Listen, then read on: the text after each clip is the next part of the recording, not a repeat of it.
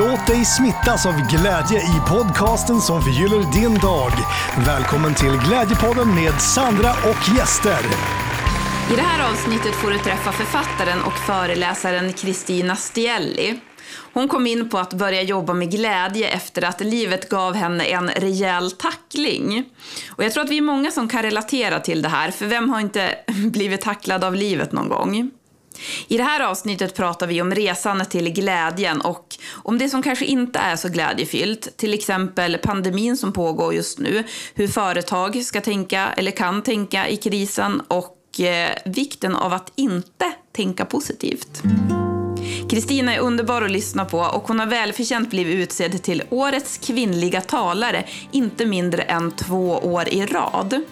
Jag kan själv understryka att hon är en fantastisk föreläsare. Hon fick faktiskt mig att planka in på en hockeymatch efter en av hennes föreläsningar för några år sedan.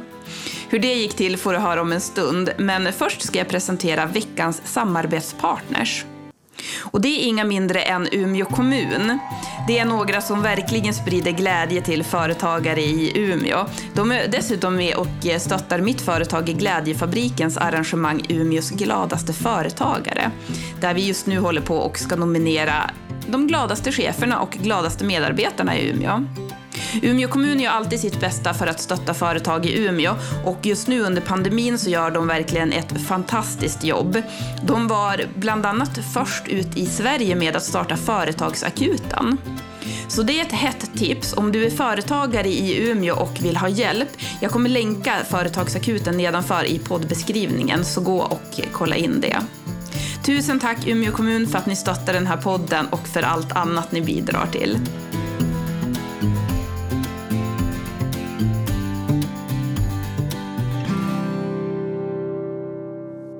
Jättekul Kristina att du är här i Glädjepodden. Ja. Även om vi inte ska vara så positiva idag så är jag jätteglad att du är här. Eller, ja, men eller hur? Det är det här vi ska prata om. Eh, och det kan ju låta lite motsägelsefullt men det ska bli spännande att reda ut det med dig. Mm, jag älskar det.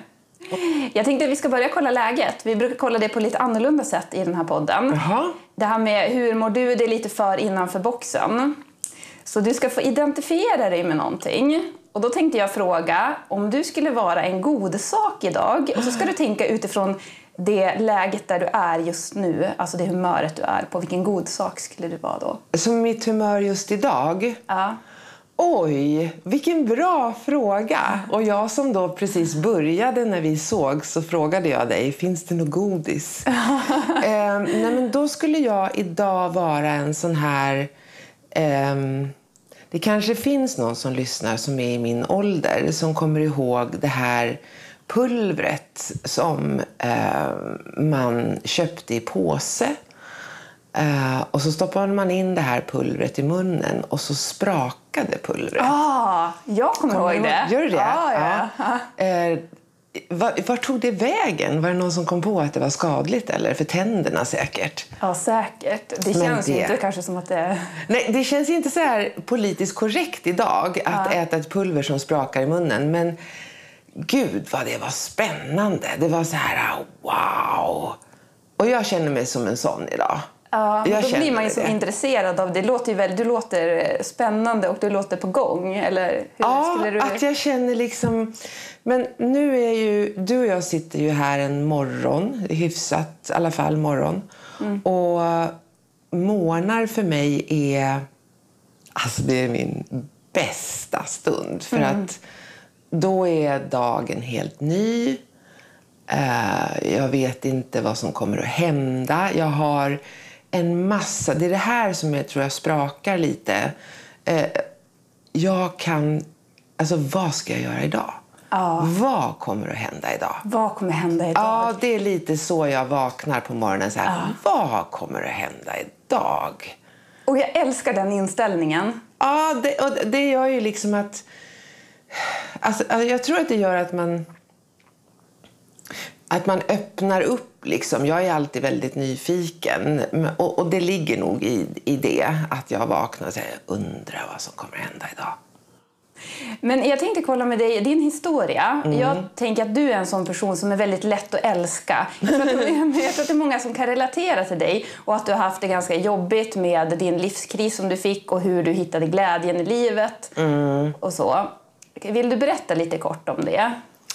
Eh, det var ju två, så, två ord där i den meningen som blev så här bara livshistoria, berätta kort. Och då blir man så här, hur ska jag sammanfatta det här? Eh, jag tror att jag är inne på mitt tredje liv, om vi ska sammanfatta det kort. För att det första livet som jag hade, det var i en, eh, en väldigt sträng frikyrklig miljö. Eh, som jag liksom är uppfostrad i. Där jag fick lära mig att jag ska göra som eh, alla andra säger att man ska göra. Och det var verkligen så att vi fick liksom inte göra si eller så, man fick inte ha de kläderna, man fick inte säga sådana saker, man fick inte lyssna på den musiken, man fick inte läsa de tidningarna, man fick inte umgås med de människorna, eh, man fick inte ha för kort kjol, man fick inte ha för långt hår, man fick inte ha men alla sånt. Så jag lärde mig väldigt tidigt att jag måste göra som alla andra säger. Mm. Um, det var första livet. Mm. Uh, det klev jag ur uh, när jag var runt 24, 23-24. Då jag fick uh, mitt första riktiga jobb. Och jag kommer ihåg när jag kom in på den där arbetsplatsen några dagar in i den här anställningen, var på en resebyrå i Göteborg, så kommer jag ihåg att jag tänkte, men det här är ju snälla människor. De sitter i kafferummet och röker och svär. Och det, var de, det var de sämsta människorna som enligt kyrkan man kunde liksom vara i närheten av. Så de skulle man mm. akta sig för. Och jag minns, jag har den bilden så tydlig i, i, alltså, i, i synlig för mig fortfarande hur jag sitter ute i det där kafferummet och tänkte och rökte folk liksom bara så här. Och, och jag tänkte men de här är ju snällare än de som är i kyrkan. Ja. Och det gjorde att jag klev ur. Ja. Så då började mitt nästa liv. Och det pågick fram till 2004 eh, när jag var 40, vad blir man då? 42, 43 kanske. Eh,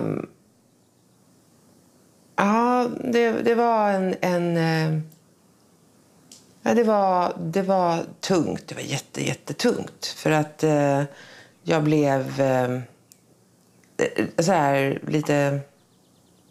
På engelska så säger man ambushed, alltså, eller så här bredsida, en tackling. Um, då var mina döttrar 12 och 10 år. De skulle precis fylla 13 och 11. Och eh, vi tre, jag och dem, fick... Eh, vi fick veta det allihopa på samma gång. Att eh, deras pappa då, och eh, min dåvarande man eh, som jag såg hela livet tillsammans med. Eh, han berättade för oss tre att han skulle gå vidare i sitt liv och sen gick han ut genom dörren och jag föll ner i ett svart hål där det inte finns någon botten och inga kanter. Och där låg jag i... Ah, jag vet inte. Jag tror att sorgen, sorgen har nog... Eh, man, man, den finns kvar på något sätt. Sorgen över att bli lämnad på det sättet. Jag eh, hade en, en eh, lång resa upp till att tycka om mig själv igen eller att mm. eh, eh se på mig själv som något ens att, att liksom ha. Det var, eh, det var riktigt alltså, världsmästerskap i självförakt och och, och sånt. Men jag, eh, jag har ju alltid varit sån så att jag har... Om jag inte har klarat saker så har jag tittat mig omkring efter hjälp. Och det förstod jag rätt så snabbt att här måste jag ha hjälp. Här måste jag ha hjälp. Annars så kommer jag... Nej, det var, det var inget bra. Det var liksom... Jag satt och eh, ville liksom sticka kniven i låret, kommer jag ihåg. Och jag ville köra ner bilen i en sjö. Och, och då hade jag ändå ansvar för mina två döttrar. Så att det var ju liksom... Jag kände det att när de hade gått och lagt sig på kvällen då ville jag inte vara själv med mig själv. för att det var... Så att då tog jag hjälp och då fick jag hjälp. Och det var, de, det var hon som räddade livet på mig. Och hon heter Marja. Mm. Tänk hur många du har räddat livet på då. Ja. med din historia. För att det är ju sådär att så där är ju ändå livet. Det kommer ju ibland, vad var det du kallade det för? Att det kommer någonting och bara slår en. Ja, så. En, tack, en bredsida, en, ja, verkligen. Ja. Och det händer ju inte alla på samma sätt, men många upplever ju ändå sådana där kriser. Och det är nästan så jag blir nästan lite tårögd också när du säger det här med hur du kände för dig själv. Mm. För att jag kan relatera till det. Jag tror att det är väldigt många som kan göra det. Att man tappar sitt självvärde. Mm. Ja, alltså, det måste ju... Det, det, jag tror så här att... att eh, det var någon som sa så här att ja, men, du är ju så klok för att du är så gammal. Uh, Alltså på ett varmt sätt. Ja, men så gammal. Nej, men, alltså, nej, men, det, det, men det var, jag tar det, så, det, det, det gammal för mig är inget vare sig bra eller dåligt. Det bara är. Men, mm. men eh, jag tänker att nej. Bara för att man har eh, tillhör en generation eller inte eller har blivit si eller så gammal så innebär inte det att man automatiskt, eh, som du nämner då, kanske ser att man är på en plats där man är full av självförakt. Utan man kan lika väl stanna i det. Absolut. Och det kan vara en väldigt bekväm plats att vara på. Mm. För att vi som har varit där vet att resan därifrån är lite tuff. Mm. Alltså, man, man ska ta hjälp fast man tycker inte att man är värd det. Mm. Och då menar jag på återigen det här med nyfikenheten. Jag vill alltid ha, jag vill alltid lära mig. Jag vill alltid utvecklas som individ. Och det tror jag var en av de eh, krafterna som gjorde att jag tog hjälp. Men gud, när jag satt där framför henne, det var ju då, det här är på öppen psyk vi pratar om liksom. Det är på riktigt liksom, du ska bara till öppen psyk, vi kör dit dig. Um, och när jag sitter framför henne första gången. Uh, och hon är terapeut, KBT. Och det står en björk utanför hennes fönster som jag fick följa under ett helt år. Och första gången så sitter jag där och hon... Jag är helt alltså, upplöst eh, uh, av gråt, för jag gråter hela tiden. Um, jag har stora, tjocka kläder på mig och jag har som vanligt inte kunnat äta någonting. Och, eh, så sitter hon framför mig helt perfekt. Alltså hon är helt mm. så här, håret ligger precis så här. Och, och örhängena, alltid stora, vackra örhängen. Och så hade hon sina väl manikurerade händer i knät. Och stram, liksom lite affärsmässig look. Så. Uh, och jag sa till henne, Aha, vad tror du att du ska kunna hjälpa mig med? Ha? Vad fan gör jag här? Mm. Är det liksom, jag har ingenting här, du kan inte hjälpa mig med någonting. Mm. Och det var ju liksom, det var då det började och det var då som jag visade för henne precis det liksom skadeskjutna djur jag var. Mm. Um, så det är tur att man hamnade hos ett proffs. För det var ju min, mitt försök, eller mitt undermedvetna test att se. Är du, vill du? Alltså, tror du att du kan hjälpa mig? För att det är sån här jag är. Mm. Så att eh, det var en resa. Det tog ett år. Eh, en gång i veckan, 60 minuter, en gång i veckan. Eh, I ett år. Och det var räddningen. Ja, och väldigt modigt att göra det. Mm, det var modigt. Det var fruktansvärt liksom, att gå in i det där väntrummet. För jag identifierade mig inte med alla. Att inte alla är så jävla psykfall här. Fast ja. jag var ju lika mycket psykfall, ja. ja. Ja, så det var, nej, det var fantastiskt eh, faktiskt. Verkligen. Och sen har du tagit allt det och omvandlat det till att hjälpa andra människor. Jag tycker det är väldigt fint. Ja, alltså, jag är väldigt noga med att, att, eh, att inte hjälpa. Eh, utan, för jag har inte den eh, liksom kompetensen eller den utbildningen. Däremot så är jag väldigt noga med att berätta att det går. Eh, att, eh, jag är väldigt, väldigt noga med att eh, du kan kroka arm med mig så kan jag berätta hur jag gjorde. Eh, jag är väldigt noga med att berätta om såna här saker för att jag vet att det finns vet ju att det finns människor som råkar ut för sorg eller besvikelser eller, eh, eller förluster. Och det kommer vi alla att råka ut för. Förr eller senare, någon gång i livet, så blir det garanterat så att du kommer att sitta och känna att nej, nu orkar jag inte mer. Och man känner sig ju så ensam då, så det är ju en väldigt stor hjälp det. Bara Precis. att ha någon som kan, alltså man kan identifiera sig med. Man kan, alltså det är det jag tänker, när man hör om dig och din historia Mm. så är det väldigt, det är därför jag säger det, att det är lätt att älska dig. Det är inte så att du kommer och bara, ja men var glad. Nej, det blir jättebra då. Och jag kommer inte heller och säger att nu ska du göra så här och så här och så här och så här. Utan jag talar om hur jag har gjort. Ehm, och jag läste ett, ett sånt här uh, quote. Det, det fladdrade förbi i morse. Jag har det någonstans. Jag har bara glömt bort eller jag har inte glömt bort det, men det ligger där. Det är så viktigt. Det är Nelson Mandela som säger, eller som sa att döm inte mig efter mina framgångar.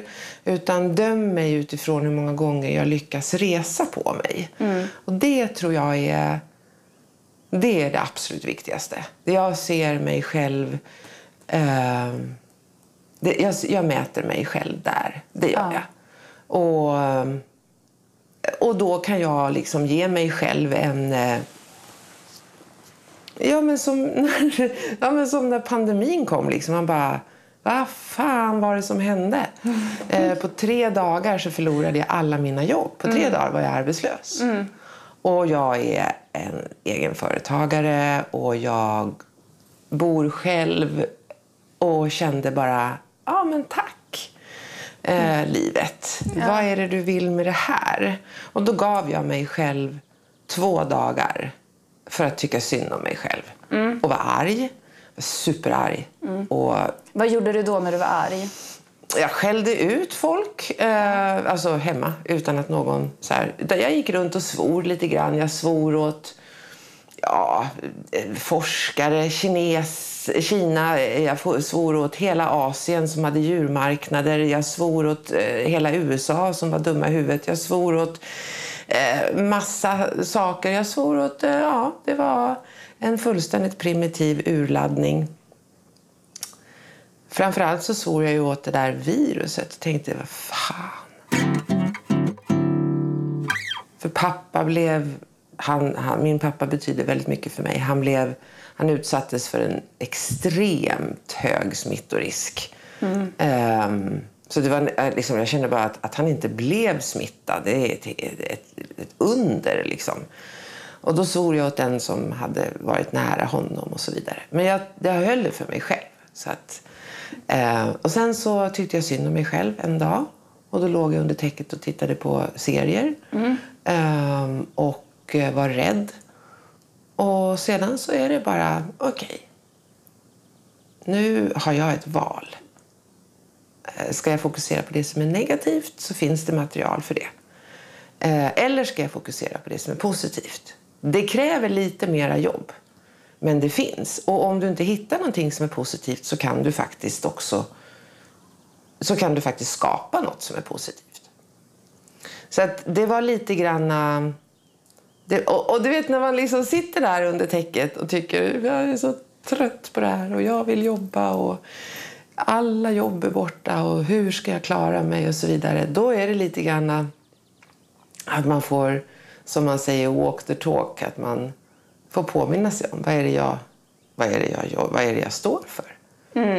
Ja, Vad är det, ska jag liksom sitta här och bete mig som något som inte alls känns igen i de böckerna som jag har skrivit. eller så. Så att, eh, jag gav mig två dagar och sen så var det färdigt. Ja, men härligt. Jag gillar din sån här tidsbegränsning. Du Mm. pratar ju om det om med oro också i dina böcker, att tidsbegränsa dig. Jag såg också något Youtube-klipp med dig. Jag kan tipsa dig som lyssnar om att följa Kristina på Youtube. Kristina Steli, visst är det så Ja, det heter? stämmer. Ja. Du gör korta klipp, korta, koncisa. Ja. Och, nej, men, och då sa du det, det här med oro, att du begränsar det till 10 minuter om dagen. Ja. Och jag tyckte det var lite kul också. Det var så helt seriöst. Och bara, ja, jag brukar köra morgonpasset. Ja, morgonpasset. Ja, men precis. När jag, för jag oroade mig så mycket då när jag hade mina döttrar själv. För jag hade ju hela tonårstiden själv med dem. Ja. Eh, och då är det väldigt mycket oro för en förälder. I alla fall var det det för mig. Och då var det just det här att jag är tvungen att begränsa det här, annars går jag sönder. Ja. Och då började jag med min stund att oroa mig på kvällen innan jag skulle gå och lägga mig. Men det gick ju inte alls bra för det blev ju bara svårt att sova. Ja. Så att då tog jag de här tio minuterna på morgonen. Idag oroar jag mig aldrig. Aldrig. Nej, jag, nej, jag tycker inte... Nej. N- Som när jag kom in här eh, så kände jag att nej, men här måste jag ha lite luft. Ja. I, eh, vi sitter i ett, ett fantastiskt vackert rum men jag behöver ha lite luft. Och hade jag, haft, hade jag inte fått lite luft eh, så hade jag suttit och oroat mig. Men det är viktigt för mig att ta det ansvaret så att jag är hållbar också. Och luft är bara för att i min värld så känns det lite tryggare för jag ska snart träffa pappa. Ja, du ska träffa din pappa. Det är fantastiskt. Ja, så jag är så noga så det är nästan så här så att jag badar i sprit. Eh, men jag är inte rädd. Jag är bara lite försiktig. Ja, men det är jättebra. Jag använder det där, de där tio minuterna. För att för mig var det också så där när pandemin kom. Att det Ja. försvann en massa jobb och så har det varit lite... Och det är fortfarande lite så där att okej, hur tänker vi nu och, och, och så. Det har blivit ett annorlunda år. Och då kände jag så här, morgnarna, det är min... Precis som du sa, jag älskar morgnar. Ja. Och då är jag som i flow. Och sen så vill jag försöka vara lugn och jobba på under dagen. Så jag la mitt pass vid middagstid. Efter jag hade jobbat, tio Ah. minuter då. För då Ah. kände jag så här, fast det, det, jag ska vara ärlig och säga att ibland kunde det bli mer än tio minuter. Men- Nej! Ja, Oj. jag ställde inte klocka. Men hur som helst så tyckte jag att det var, för det var inte för nära läggtid heller. Nej. För att det förstår jag att det är inget bra att oroa sig innan man ska gå och lägga sig. Nej. Men, eh, och sen så kunde jag ändå upptäcka då så här att ja, men, det var många gånger jag inte heller behövde den där tiden för att oroa mig. Eller utan jag kom som in i så här bra vibe och bara eh, mer så lösningsorienterad och så. Ja. Men då visste jag ändå att då fanns de där om, om det skulle vara så. Ja, och jag tror precis som du säger, det är ju ett resultat när du inte finner någonting att oroa, alltså lägga så mycket energi på. För vad det handlar om är ju att, att träna bort ett beteende. ja. Eh, och när vi börjar liksom att oroa oss konstruktivt och kanske till och med skriver ner det vi oroar oss för så ser vi till slut att nej men det här hjälper ju inte. Precis. Eh, så att det, det finns en... eh, Och jag tycker den är viktig. Den är väldigt viktig. Så att eh, det är bra gjort. Ja. Men nu när vi ändå är inne på oro. Jag frågade Kristina innan, så här, är det något särskilt du vill prata om? För du är ju så himla etablerad inom det här ämnet glädje. Innan jag kommer till det, får jag bara fråga, hur kom du på, för vi kom aldrig in på det, det här med att du skulle inspirera andra och prata om det här med glädje. Hur kom du på det?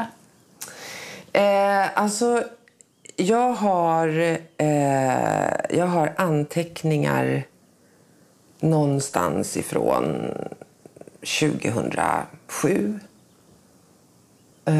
där jag började skissa på en sån eh, föreläsning.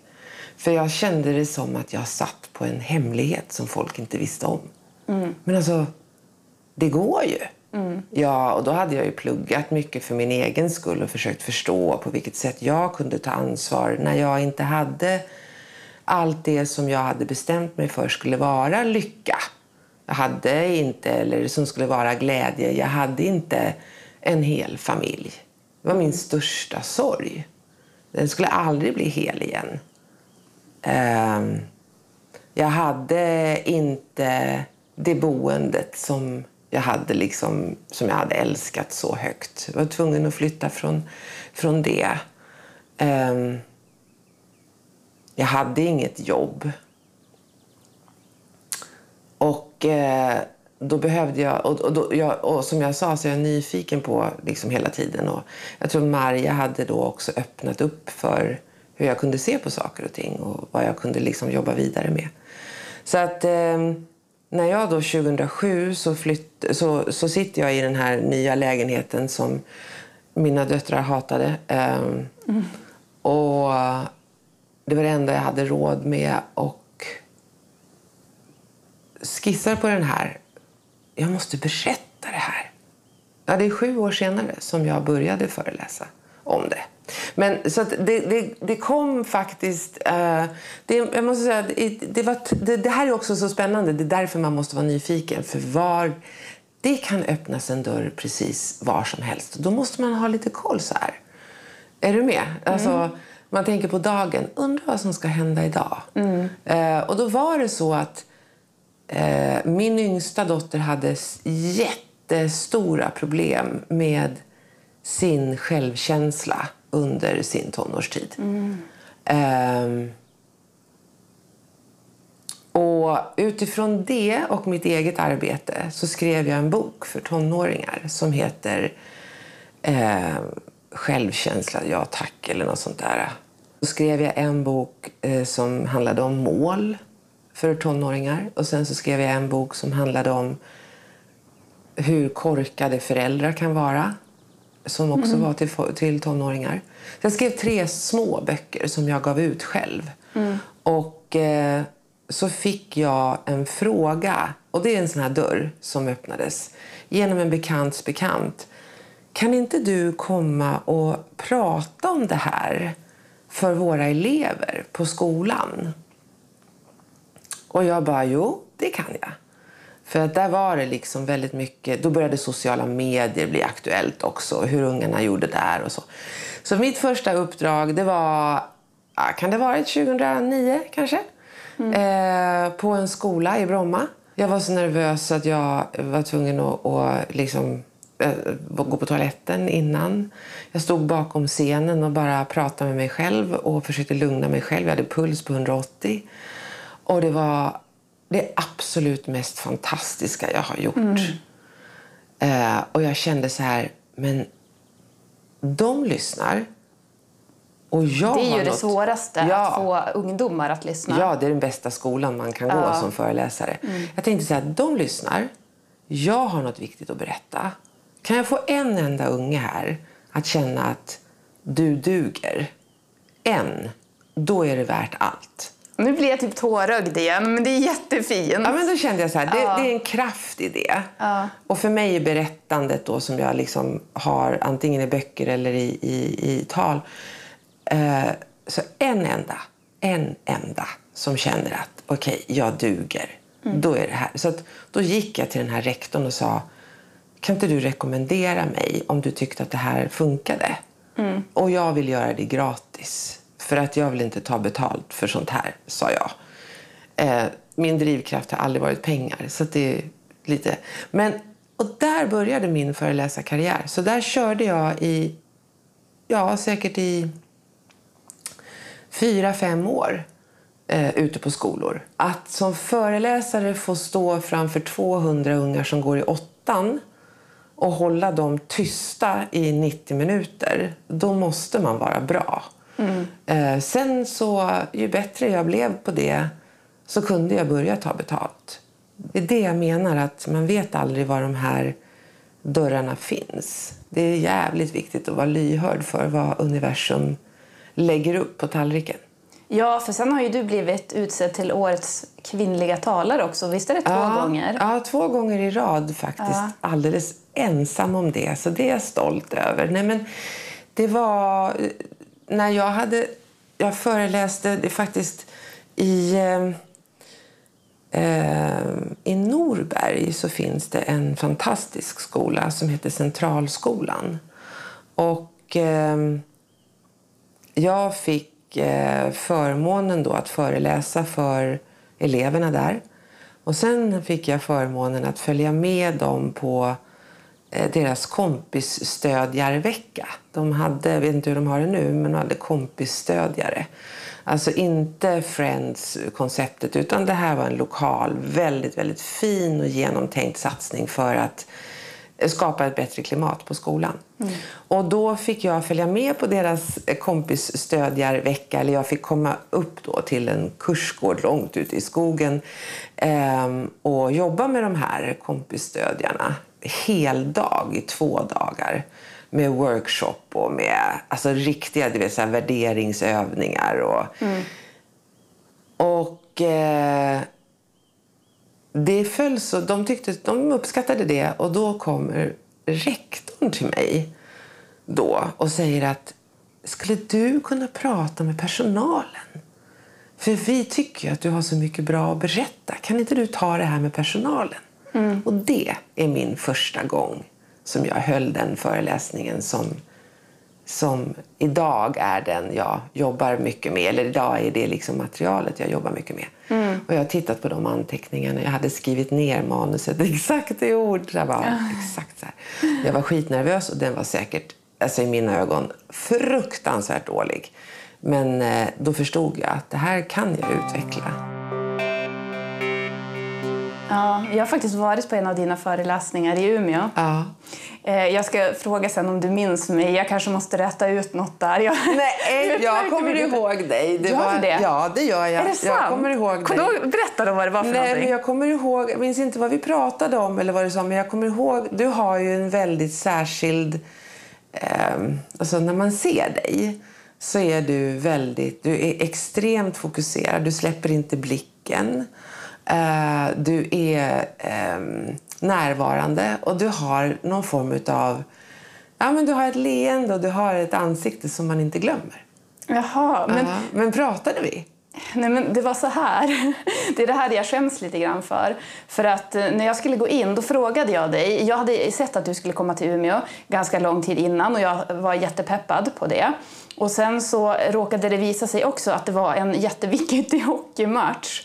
Ja men gud! Minns du det? Det minns jag ju. Men, men, ja, och då frågade jag dig så här, hur länge kommer den hålla på eller något sånt där. För att jag tänkte att jag kanske skulle hinna till hockeyn efter. Exakt. Och så ångrade jag, nej men varför sa jag så? Nej. För att då ville inte jag att du skulle känna så här att bara, åh nu är det någon som sitter här och vill på hockey. Men då höll du också på under föreläsningen och bara, ja. det var lite kul för vi höll på att skoja om det där. Ja, det är ju en viktig hockeymatch här så vi får väl dra på lite grann. Exakt. Alltså, då ska du veta så här. Jag minns det inte. Nej. Eh, för att det är... Eh, det, det, är precis det som är grejen. Alltså när jag pratar om livet. Jag, är ja. inte, jag ser inte mig själv som en, en viktig person. Alltså, mm. det är klart att det är en hockeymatch. Vad fan, öka! Eh, prata lite fortare. Och det är det jag menar att där måste man vara så närvarande. Så kommer man till Umeå och så förstår man att där finns det intressen. Eh, kommer man till, nu är jag ute på jävligt hal is här på, på tal om, om hockey. Men jag kommer ihåg, jag hade ju en, en föreläsning på, det måste vara i Skellefteå. Och då var det på Folkets park. Nu är jag som sagt var väldigt osäker, men då var det hockey i ena änden av den här anläggningen. Och så var det min föreläsning i andra änden av den här anläggningen. Och att vilken då, hård konkurrens! Eller hur? Och då får man vara trygg i sig själv och säga så här att ah, lite publikrekord i andra ändan här. Va? Men, men alltså, och, och, det är också det här att folk kan komma fram till mig och säga att, att eh, bara så att du inte tar illa upp, men jag kommer att gå en kvart innan det är klart. Mm. Och för mig, det, det, är inte jag som är viktig. När, när det var ett företag som skulle presentera mig här förra veckan. Och då var det en, eh, eh det var en föreläsning med levande människor. Alltså sådär, det man får ju tänka så nu. Som sitter i lokalen, 50 stycken eller 49. Eh, och då frågar alltid eh, eh, uppdragsgivaren mig, hur vill du bli presenterad?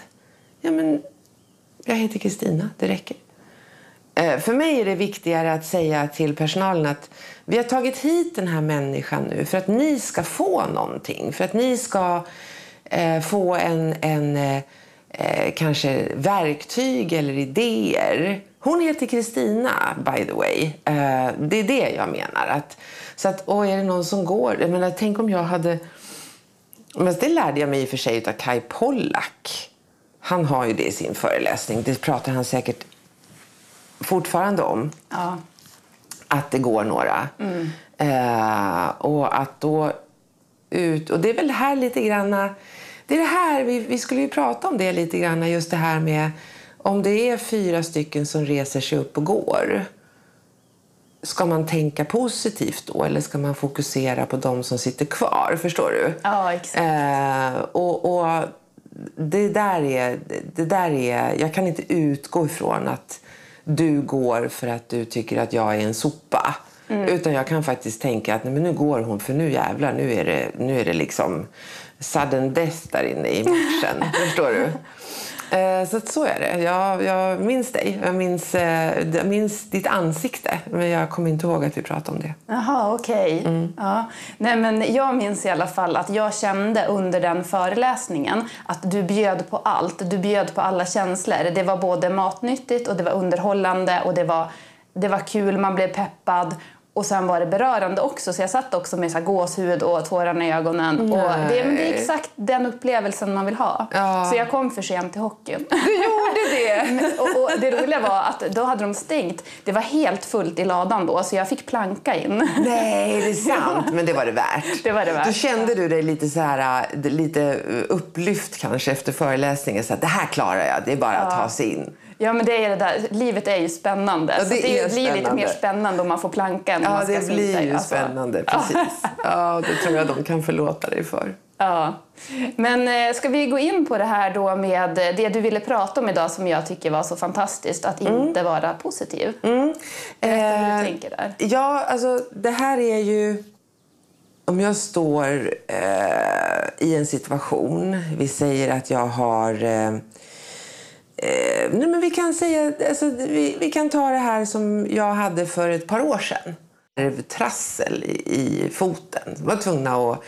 Eh, jag tänkte så här, jaha, okej, okay, ska vi operera? Ja, det vi måste operera, sa den här ortopeden.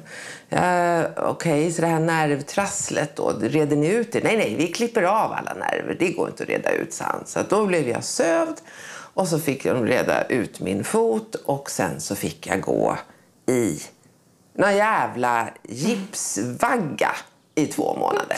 Alltså den där hade jag ju lust att spola ner i toaletten sen. Om någon då hade kommit till mig och sagt så här. Tänk positivt Kristina. Kunde varit hela benet. Då hade jag ju dragit den gipsvaggan i huvudet på den personen. För det är det jag menar, vi måste tillåta oss att känna arg. Alltså, ja, men jag är arg på det här, eller jag har ont, eller jag är frustrerad, eller jag är ledsen, eller jag är besviken. Att då, att då säga så här, fast nu ska vi tänka positivt. Det kan bli en... eh, Det är en jag tycker det är en förolämpning. Alltså mot den personens eh, känslor. Vad som är viktigt är att veta vad det gör med mig om jag stannar i den känslan för länge. Om jag går runt och stannar för länge i känslan av att vara besviken så kommer det att påverka mig som individ och det kommer att påverka mina möten med andra. Det kommer att påverka mitt beteende. Alltså helt garanterat. För att någonting av det eller det är två saker. Det absolut häftigaste som har hänt inom psykologin de senaste 15 åren är ju upptäckten i att jag kan förändra mina tankebanor och att det påverkar kroppen. Och det måste jag vara väldigt... Alltså där måste jag ha den största respekten. Jag brukar säga så här till till folk att om du inte tror att tanken påverkar kroppen, stå framför spegeln då en hel vecka varje morgon och säg fy fan vad du är ful. Och se hur du känner dig på lördag. Ja. den är rätt, man blir rätt så här, nej det vill jag inte göra. Nej, Nej. Varför? Därför att du vet att tanken påverkar ditt beteende. Och då menar jag så här, för att gå tillbaka till det här att om jag nu har min fot i det här gipset eller vad det var. Då är det viktigt så här att veta att välja, att välja en positiv tanke är inte att förneka att det är tungt. Det är att välja att inte vara klar, kvar där. Exakt. Så att antingen fokuserar jag på den foten som jag hade lust att kapa eller också anstränger, för det här var en ansträngning vissa gånger. Särskilt som jag har ett sånt, hade ett sånt jobb. Jag reste ju typ åtta dagar i veckan med, det här fotet, med den här foten i paketet. Så då är det viktigt för mig, okej, nu har du den här foten och det är jättejobbigt. Vad kan du göra? Vad är det för någonting som är positivt? Vad kan du hitta runt omkring dig som gör att det blir lite lättare att hantera den skiten? Och då var det sådana saker att jag var tvungen att stanna upp. Och det här är återigen efter mina studier och min, mitt pluggande i det här. Att stanna upp. Okej, nu hörde jag en koltrast. Då stannar vi här. För det är det du behöver för att träna dig till att ha mer positivt fokus på det som du har framför dig idag. Om jag stannar upp och lyssnar på en koltrast så gör det någonting med mig. Eh, för det ser vi om man sätter, man sätter mätinstrument på hjärnan så ser vi att vissa områden lyser upp när jag fokuserar på någonting som är positivt. Ehm, att det går igång med endorfiner och oxytocin som är bra hormoner och bra grejer för att må bättre. Det ansvaret måste ju jag ta. Eh, och att jag eh, kanske då mera ringde de vännerna som jag fick energi av. Som var så här bara, hur är det din jävla fot? Jag vet, min jävla fot. Nu Ja, kan vi prata om något annat. Och Att jag fokuserade på, jag var väldigt, väldigt noga med att vara snäll emot mig själv. Men Kristina, alltså ikväll har du förtjänat den här maten och ett glas vin. För det här har du klarat bra. Alltså, det är det jag menar. Att välja en positiv tanke är inte att förneka att det är tungt. Det är att välja att inte vara kvar där. Och det är en skillnad mot att tänka positivt. Exakt, annars blir det att man sopar under mattan. Och jag har märkt i mitt eget liv att känslor försvinner inte. Nej. Utan det blir ju att jag förnekar mig själv om jag förnekar min ilska eller min sorg eller vad det är Precis. för någonting. För att ofta så kan det vara så att man kanske vet bättre. Det har jag upptäckt själv ibland att jag kan vara lite snabb så att jag vet bättre och så tänker jag. Men då är tanken och känslan helt olika så det blir som en nästan brottningsmatch däremellan och då mår ju inte jag bra i mig själv. Så det är mycket bättre.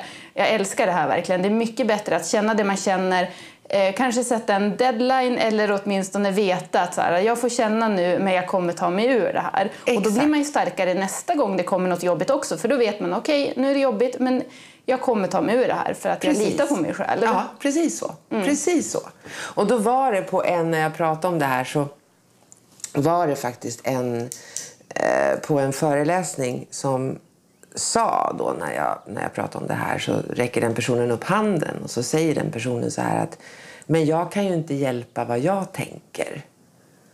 Och jo, det kan vi.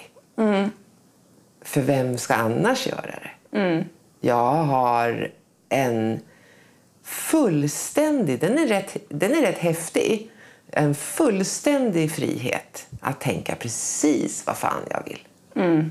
Utom när jag är liksom i kris eller om jag hamnar liksom i, en, i, i en situation där jag liksom, ja, du vet, ramlar ner för en trappa eller, eller, eller snubblar på gatan. Alltså såna. Men annars har jag fullt ut ansvar för vad jag går runt och tänker.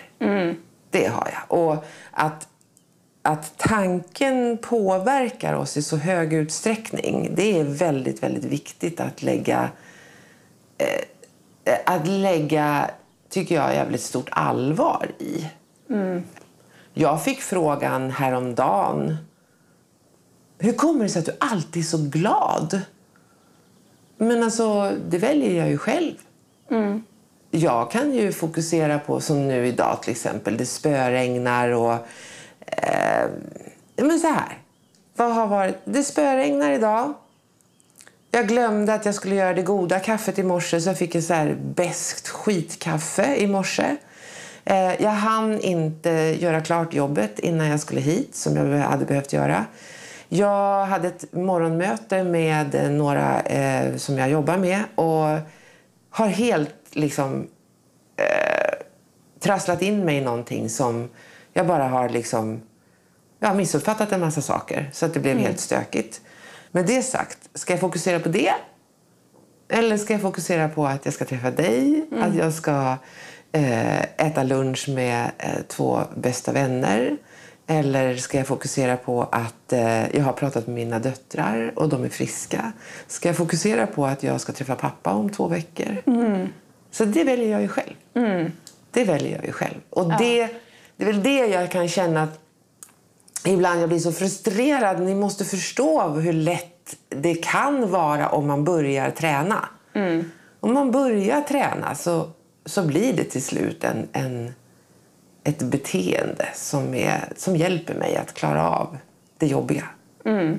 Ja, men hjärnan är ju lat så att den mm. tar ju ofta den vägen som den är van att ta. Precis. Och vänjer man den då och tar den där vägen att fokusera på det positiva så men du är så intelligent! Det är precis så. Exakt så. Ja, men det är så klokt sagt. Det är precis så vi måste resonera. Mm. Och, och då är det... Det är också någonting som jag, som jag vet.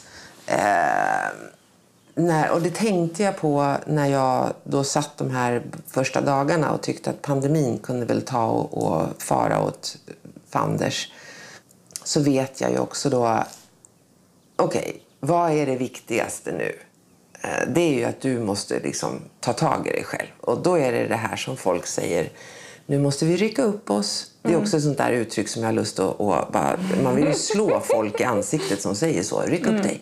Mm. Nej, det handlar om att du tar de träningsredskapen som du har lärt dig finns mm. för att bli starkare. Och då vet jag att istället för att rycka upp sig för det är också lite grann så här, man känner, hur fan ska man rycka, vem fan kom på det uttrycket? Ja.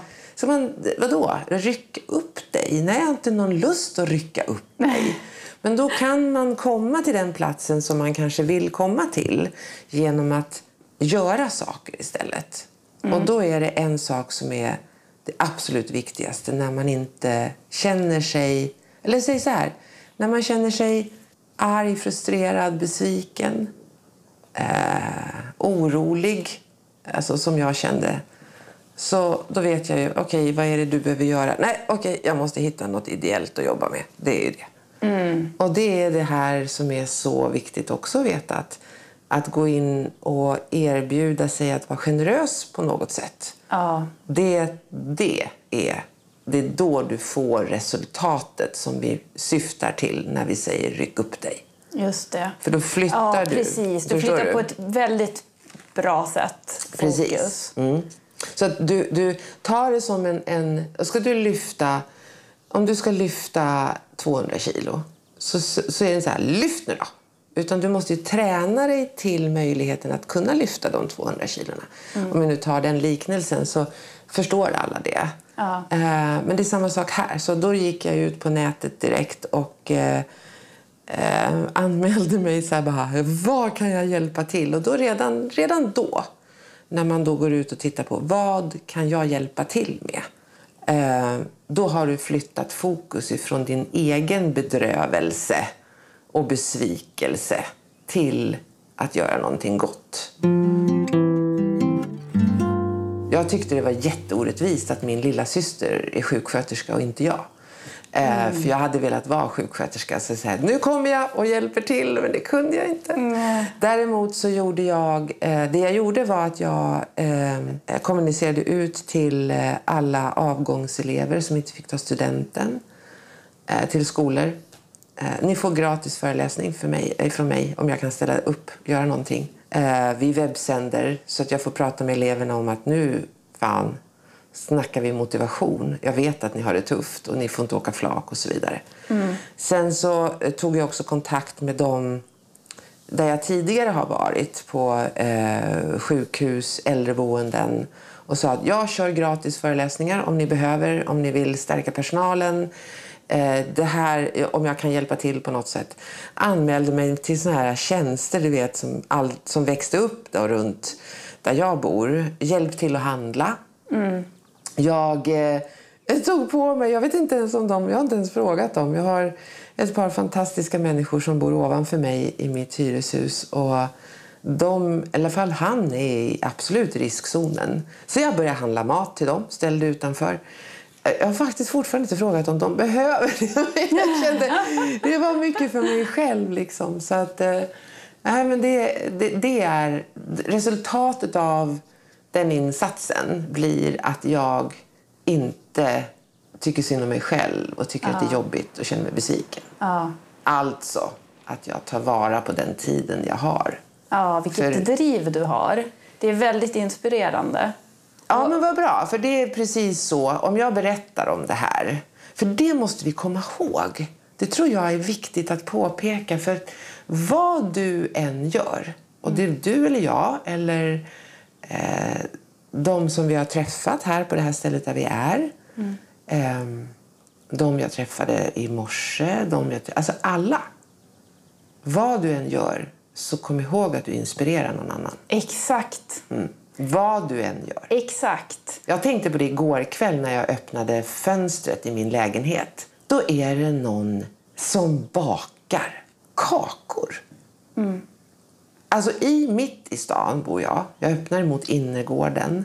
Och det är någon jävel som bakar havreflarn, drömmar, kolakakor. Och det luktar så gott så jag bara stod kvar i fönstret. Ja. Och tänkte, ska jag gå upp och kolla vem det är? Men så, kände, så tänkte jag så här, jag ska fan också baka i helgen. Och då, Ja. då tänkte jag på det att, tänk att den personen står och bakar någonstans. Den personen har gjort det två kvällar i rad, så det måste ju vara något kalas på gång. Ja. Eh, den personen står och bakar någonstans, har öppnat fönstret för att det är för varmt i köket och inspirerar mig att baka i helgen. Så du förstår, vad vi än gör så inspirerar vi någon. Ja, men det där, jag tänker det till dig som lyssnar, vars du än är i livet. Tänk bara att din existens förändrar andra människors liv. Ja. Eh, Det är viktigt att, eh, att förstå att eh, det är många också som säger så här ah, man önskar att det var på ett annat sätt. Eller varför skulle vi inte kunna göra så här istället? Och likväl som vi alla inspirerar någon så är det också viktigt att vara, och det här är också en sån klyscha men det ligger så mycket i den, var den förändringen som du vill se. Exakt. Och jag kan känna att... Eh, jag kan känna i pandemin så har jag blivit lite... Jag har blivit lite beklämd, ibland arg, trött, uppgiven. För att det känns som att det är liksom någon form av var man för sig själv. Jag gör som jag vill. Ehm, människor som är ute och inte håller avstånd säger att men jag är inte rädd för att bli sjuk. Att vi inte tänker på varandra. Att vi tappar bort det här att det faktiskt handlar om att vi ska ta hand om varandra. Ja, och inte minst också att andra faktiskt kanske är rädda. Att Ja. man får respektera det. Även om Ja. man är jättefrisk och man tänker att ja, men jag smittar ingen, men att det faktiskt finns de som kan tycka att det är obehagligt. Ja, och att det faktiskt också är så att den personen kanske som jag, jag ska träffa pappa om två veckor. Vi måste vara superförsiktiga. Och sen är det också så att ju mera ju flera smittotal eller högre smittotal vi får, desto mera begränsningar kommer vi att behöva dras med. Men vad jag menar då för mig, och då måste jag gå tillbaka och påminna mig själv. Istället för att du går runt och är arg, frustrerad över att över det här så var den förändringen som du vill se. Ja. Så därför är det för mig extra viktigt nu att vara så här supergenerös och, och liksom eh, vara lite så här... Ja, men det löser sig. Vi fixar det här. Det kommer att gå bra. Att jag kan sprida det för att få den här förändringen som jag vill se. Även om jag Ja, alltså häromdagen så sa jag det. Jag sprang på gymmet och så är det en person som går fram och dricker ur kranen. Och jag bara, drick inte ur kranen! Och han bara, förlåt. Ja, det är okej, sa jag. Alltså, jag kände där att där kom min rädsla upp. Men alltså, att vi är... att vi tar hand om varandra. Det tror jag är viktigt. Ja, alltid egentligen. Ja, för vi har inte så många dagar på jorden. Nej, vi har ju Nej. inte det. Nej, det har vi inte. Så det kan vi ta med oss. Kristina, jag är så otroligt tacksam för allt du har delat. Jag hade velat prata mycket mer med dig. Jag men vet. jag tänkte bara, skulle du bara vilja... Du har hjälpt mycket företagare. Jag tror att det är många företagare som tycker att det är jobbigt nu. Om du ska ge något... eh, Har du något enkelt tips? Blev det en utmanande fråga? nu? Nej, nej, enkelt? nej. Men har du något sådär hur man ska tänka bara? Alltså alla företag jobbar vanligtvis med människor, så det handlar ju om människor. Eh, Jag tror att... Och sen är det olika vad man har för funktion, om man är ledare eller om man är eh, medarbetare eller kollega. Jag vet att det är en utmaning att sitta hemma och jobba. Att man förlorar det sociala. Eh, att man längtar kanske tillbaka till jobbet. Det kanske var på jobbet, bara där, som man hade sina kompisar. Ehm, att man där förstår att det sociala kan vi behålla.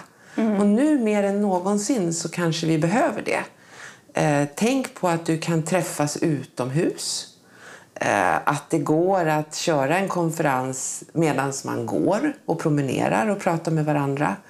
Eh, tänk på hur du beter dig i, eh, i de här Zoom och Teams-mötena. Ha alltid kameran på. Eh, ha alltid ögonkontakt med dina kollegor. Försök att vara den som säger att Nej, men det här löser sig. Det här blir bra. Ehm, hoppas inte på att det här kommer att gå över. Längta inte tillbaka till det som var. Eh, utan det, har, det, det kommer aldrig vi att komma tillbaka till. Utan nu är det något nytt. Eh, och ju fortare vi kan anpassa oss till den tanken desto fortare kan vi få energi att se hur jag kan påverka den situationen jag är i. Eh, tänk på att du inspirerar andra. Eh, och eh, försök att vara den som liksom lyser upp rummet när du kommer och inte den som lyser upp rummet när du går, som jag brukar säga. Ja. Eh, vi har varandra nu och då behöver vi ta hand om varandra. Det är tufft, men vi klarar det om vi, eh, eh, om vi hjälps åt. Och jag var på...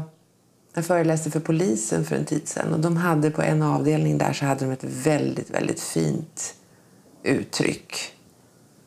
Och det var vi gör varandra bättre i den Ja, arbetsgruppen. fint. Så det tycker jag kan den ska ta. man ta med sig Ja. i alla relationer. I alla. Att man ska göra varandra Ja. bättre. Vi gör varandra bättre. Ja, fint. Det är så här avslutning, så nu ska eller avsluta med Så den. jag tycker vi snor den ifrån polisen. Ja, det tycker jag med. Om du som lyssnar är intresserad av Kristina så jag nämnde ju att du finns på Youtube, är väldigt Ja. inspirerande där. Du har tack. också böcker och ljudböcker, väldigt behagliga att lyssna på. Vad har Mm, du mer? Du har en hemsida. Jag har webben och sen är det mycket på Instagram. Vet du, en av de sakerna som jag tar med mig mest som jag tycker var, jag tycker att allt du har sagt har varit väldigt inspirerande. Men en sak som jag verkligen vill lyfta, det var det du nämnde när du sa att det handlar inte om mig. Nej. Kan man zooma ut och känna det att jag gör det som känns rätt men det handlar egentligen inte om mig utan det är de personerna jag gör det här för. Jag kanske kan förändra någon människas liv. Exakt. Vad ska du lämna efter dig? Vad vill du att folk ska säga den dagen som man checkar ut? Så tänker jag. Ja, exakt. Hinner vi med en kort eh, lyssnarfråga? Ja, en lyssnarfråga. Ja, det är Erik som undrar. Vad är ditt happy place, både mentalt och fysiskt? Har du något sånt? Åh, eh, det är vid, åh vilken bra fråga. Det är vid havet i Italien. Åh, Det är på en sten som ligger cirka 10 mil söder om Rom. Så finns det en sten. Och där är mitt happy place. Och pratar jag mer om det nu så kommer jag börja gråta för jag har inte varit där på ett tag. Men att du har till och med en specifik sten. Ja.